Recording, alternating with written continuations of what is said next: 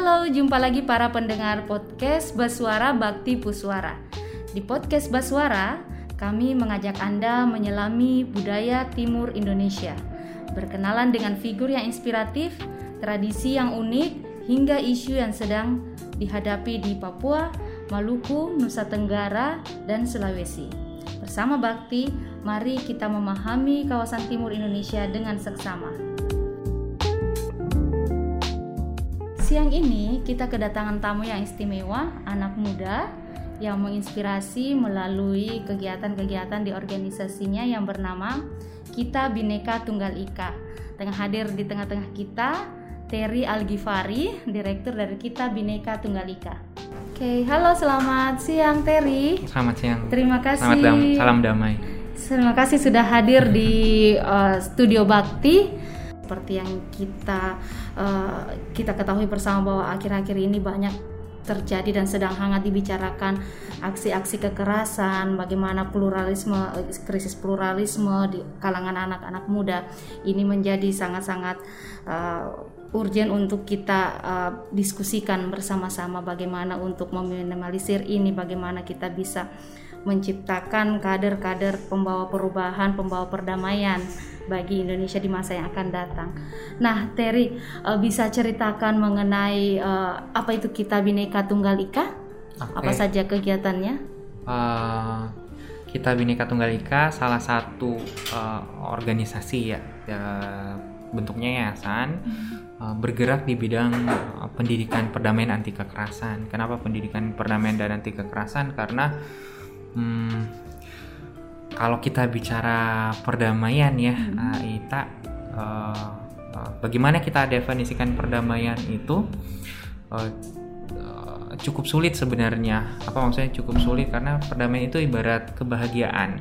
Uh, kebahagiaan Ita bisa berbeda sama kebahagiaan saya. Kalau okay. kita mau berencana jalan-jalan naik ke gunung gitu ya, hmm. eh, eh, eh, rekreasi maksud saya, uh, Ita suka ke gunung, mungkin saya suka ke laut gitu. Hmm. Itu bahagianya saya, bahagianya Ita hmm, gitu. Betul. Nah perdamaian juga begitu tuh. Kadang-kadang perdamaian uh, punya uh, referensi masing-masing dari tiap orang. Saya bisa mengatakan bahwa saya keinginanku untuk ini, untuk saya damai. Tapi ternyata kita punya keinginan lain yang juga landasannya damai, tapi ternyata bersinggungan dan bertentangan sama-sama narasinya damai. Saya kasih contoh ya, misalnya hmm. teman-teman uh, eh, LGBT gitu bisa jadi menarasikan ini hak-haknya supaya dia uh, mendapatkan kedamaian, tapi bisa jadi ada kelompok-kelompok religius yang tidak nyaman dengan hal itu, hmm. kemudian karena narasi-narasi yang dia percayai di dalam ininya. Jadi dua hal ini yang kemudian sama-sama menarasikan da damai sebenarnya, tapi akhirnya malah bertentangan. Nah,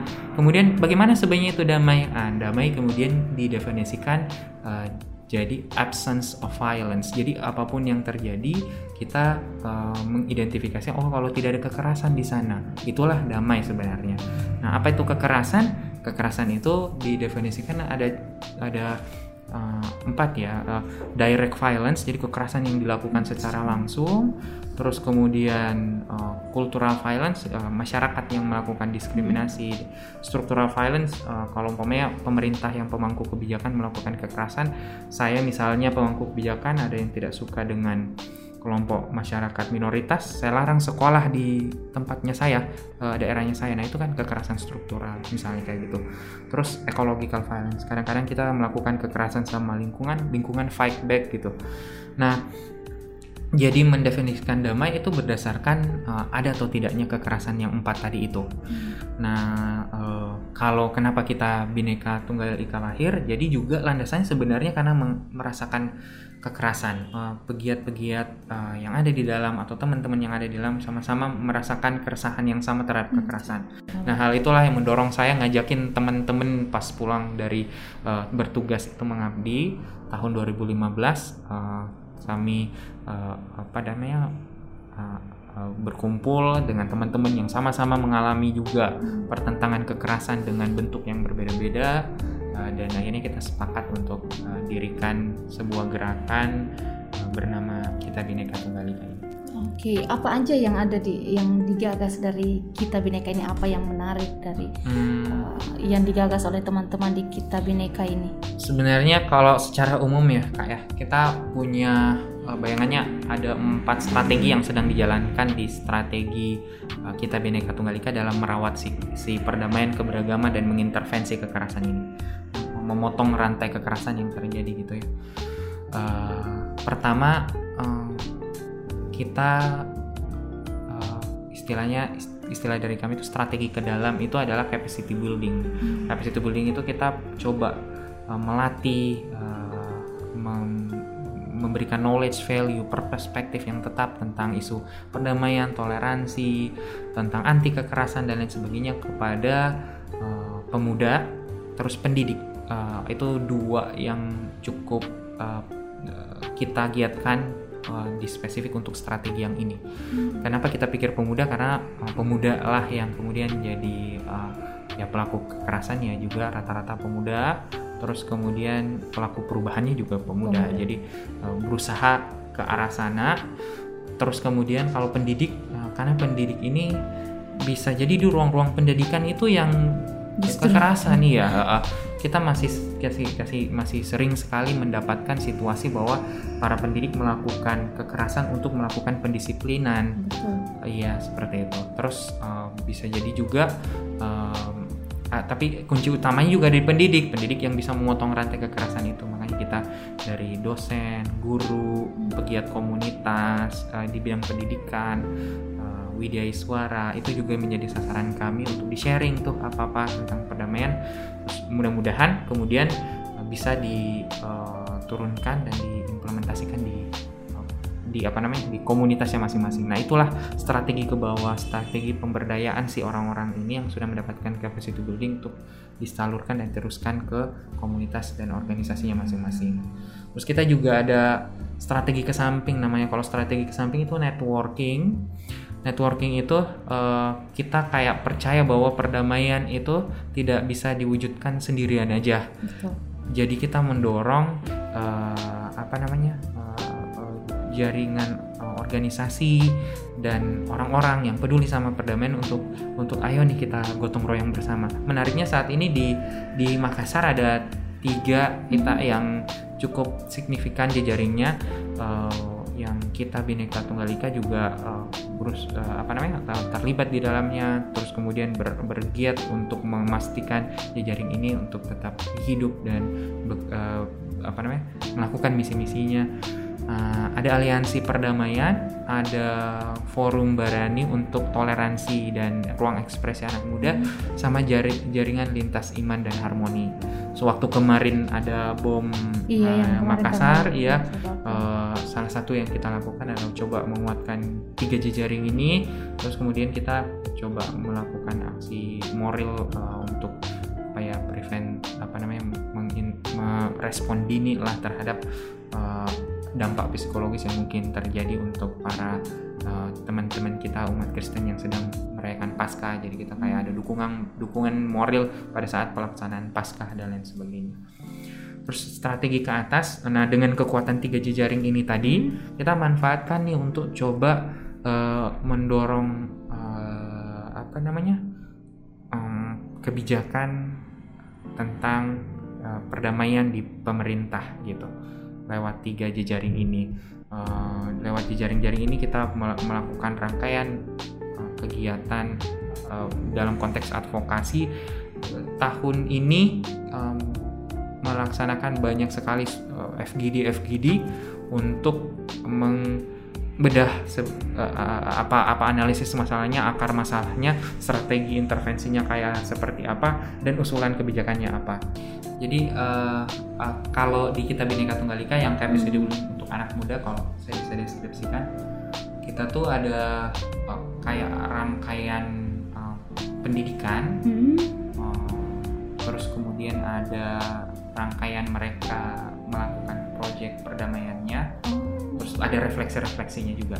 Yang saya mau ceritakan uh, tujuan utamanya adalah uh, pada dasarnya kita semua itu victim dari kekerasan ya. Uh, mungkin secara langsung atau tidak langsung. Ada yang mungkin yang memang menjadi korban langsung dari sebuah kekerasan. Ya minimal kekerasan struktural kemiskinan itu kekerasan struktural gitu. Misalnya contohnya kayak seperti itu. Nah uh, di kita Bhinneka Tunggal Ika mendorong si anak-anak muda ini survive dulu. Bertahan sama situasi tantangan pertentangan atau kekerasan yang dialami gitu. Setelah dia uh, survive gitu ya atau tidak cukup tuh survive-nya untuk dirinya sendiri. Nah kita dorong mereka mereka ngambil satu step lebih jauh itu take a lead. Take a lead itu maksudnya uh, mungkin aja misalnya ada yang pernah mau bunuh diri misalnya gitu ya terhadap situasi pertentangan yang dihadapi di dalam dirinya. Misalnya kekerasan atau bullying gitu atau apa gitu ya, dan hmm. ada perasaan. Terus dia bisa kemudian uh, beraktivitas di kitab Bhinneka Tunggal Ika membantunya mendapatkan nilai atau perspektif men, uh, untuk kemudian lebih tangguh terhadap situasi yang dialami tapi tidak cukup untuk dirinya sendiri. Mungkin ada mungkin saja ada ada orang lain atau ada temennya atau ada kenalan dia yang kemudian mengalami hal serupa. Nah itu yang kita dorong untuk uh, ini bukan tentang kamu tapi tentang orang-orang yang mengalami hal yang sama seperti apa yang pernah kamu rasakan. Tapi mungkin bisa jadi bentuknya uh, berbeda termasuk uh, bullying dan lain sebagainya. Itu kalau kalau kita bilang salah satu bentuk kekerasan yang paling ter, sering terjadi yeah. itu bullying sebenarnya apalagi okay. di ruang-ruang pendidikan termasuk yang kalau bullying kita punya gitunya kita punya hmm. kan umpamanya uh, pra pra uh, untuk untuk guru utamanya kalau uh, sebelum terjadi itu apa yang perlu dilakukan untuk preventif Hmm. Kalau umpamanya terjadi apa yang perlu dilakukan, Betul. apa yang perlu dibuat, sama kalau umpamanya setelah terjadi uh, apa uh, yang perlu dilakukan. Saya kasih contoh kayak uh, understanding di mana itu biasa terjadi, apa bentuknya dulu, itu apa bentuk uh, apa bentuk bullyingnya karena kan ada macam-macam ya, uh, verbal, non verbal ada yang bisa cyberbullying dan lain sebagainya. Terus uh, kemudian setelah itu uh, di mana biasanya terjadi, kapan biasanya terjadi karena itu tuh tidak selamanya terjadi tapi ada kayak momen-momennya hmm. itu terjadi misalnya ya misalnya ini, ini contoh uh, masa-masa penerimaan mahasiswa baru iya. atau masa-masa iya, di ospek gitu. uh, iya kayak macam segitu intensitas itu meningkat gitu. Meningkat. Terus kalau umpamanya ada juga itu hotspot hotspot. Misalnya oh sudut hitam atau sudut apa kayak gitu. Nah di situlah itu. Kalau ada yang uh, lewat di situ atau apa nah itu menjadi korban. Nah, kalau pendidik tuh harus aware yang seperti itu untuk mencegah atau bikin kebijakan. Misalnya terkait di tempat itu hotspotnya itu terjadi.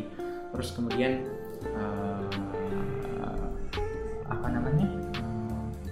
Pada saat terjadi nah apa yang harus dilakukan sama si uh, pelaku korban? Kayak seperti itu. Kan pelaku itu sebenarnya korban juga karena kecenderungan orang yang melakukan intoleransi iya, kemudian uh, atau melakukan kekerasan uh, dan lain sebagainya itu mungkin saja dia pernah mengalami hal yang sama. Walaupun mungkin keluarganya melakukan kekerasan sama dia atau dia melihat bapaknya uh, melakukan kekerasan sama ibunya atau uh, macam-macam. Jadi hal-hal yang dia lihat sebelumnya sebenarnya dia duplikasi dalam bentuk yang sama ataupun dalam bentuk yang berbeda. Seperti itu. Barulah kemudian uh, apa namanya uh, setelah kita tahu gitu ya pertama tuh harus stop dulu kejadiannya kalau umpamanya terjadi. Jangan sampai itu terus diteruskan terus kemudian diberdayakan lagi pelakunya. Kalau pelakunya melakukan sampai ke tindakan pidana memang harus ke arah ada yang ke sana. Tapi kalau umpamanya tidak sampai sampai ke situnya ada juga uh, pendekatan-pendekatan yang tepat untuk pelakunya. Terus si korban apa yang perlu dilakukan untuk uh, dia dia survive gitu hmm. dengan uh, bullying. Dan yang terakhir tuh uh, bagaimana caranya uh, uh, mereka temukan hikmahnya. Jadi jadi itu dijadikan kayak resources untuk tangguh ya resilience tadi dan Betul. tidak cukup untuk itu dia mungkin ya, teman-temannya ada yang dibullying juga dia harus pick up untuk untuk ini. Kayak kayak bayangannya kayak begitu. Dia victim survive take a lead gitu untuk ini. Nah itu yang salah satu yang nah karena toleransi dan perdamaian itu bukan hanya sara ya. Sebenarnya konflik itu terjadi ketidakmampuan salah satunya uh, sebabnya ketidakmampuan manusia untuk mengelola perbedaan. Perbedaan itu macam-macam, agama, Betul. Uh, suku, bahkan perbedaan uh, kebiasaan, uh, Iya itu bisa memicu konflik. Iya ya? bisa juga memicu konflik dan semua itu ada part toleransi untuk membuat solusi. Bagaimana saling respect uh, dengan satu dengan yang lain Hmm.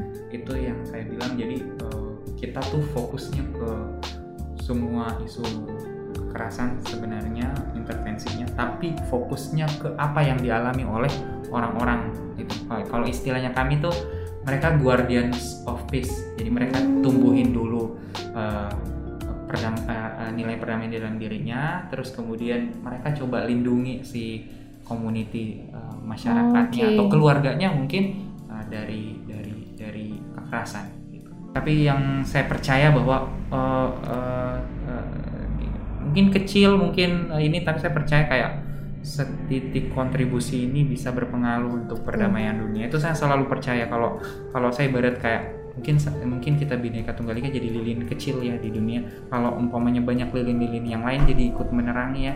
Mudah-mudahan kayak gitu. Saya selalu percaya oh, unda eh, tetap berusaha untuk give uh, the best uh, untuk apa yang bisa kita lakukan saat ini. uh, di sini detik ini kayak gitu. Wow. Wow, wow, keren keren. Terima kasih Terry ya Siap. untuk waktunya, untuk sharingnya, untuk uh, pembelajaran-pembelajaran dari apa yang dilakukan oleh teman-teman di kita Bineka. Semoga apa yang diharapkan lilin-lilin kecil itu banyak ada di ada di berbagai belahan dunia. Ada selain di podcast ini juga uh, tem- uh, diskusi kita ini juga kita dapat disimak di dalam uh, YouTube-nya Bakti Foundation. Jadi uh, sahabat Bakti yang mendengarkan uh, podcast Basuara bisa follow kami di uh, Spotify uh, Basuara uh, Bakti Puswara dan di uh, dan uh, bisa juga disimak dalam uh, YouTube Bakti Foundation. Terima kasih Ter ya, sukses selalu buat Sama-sama. kita Bineka Tunggal Ika. Ah,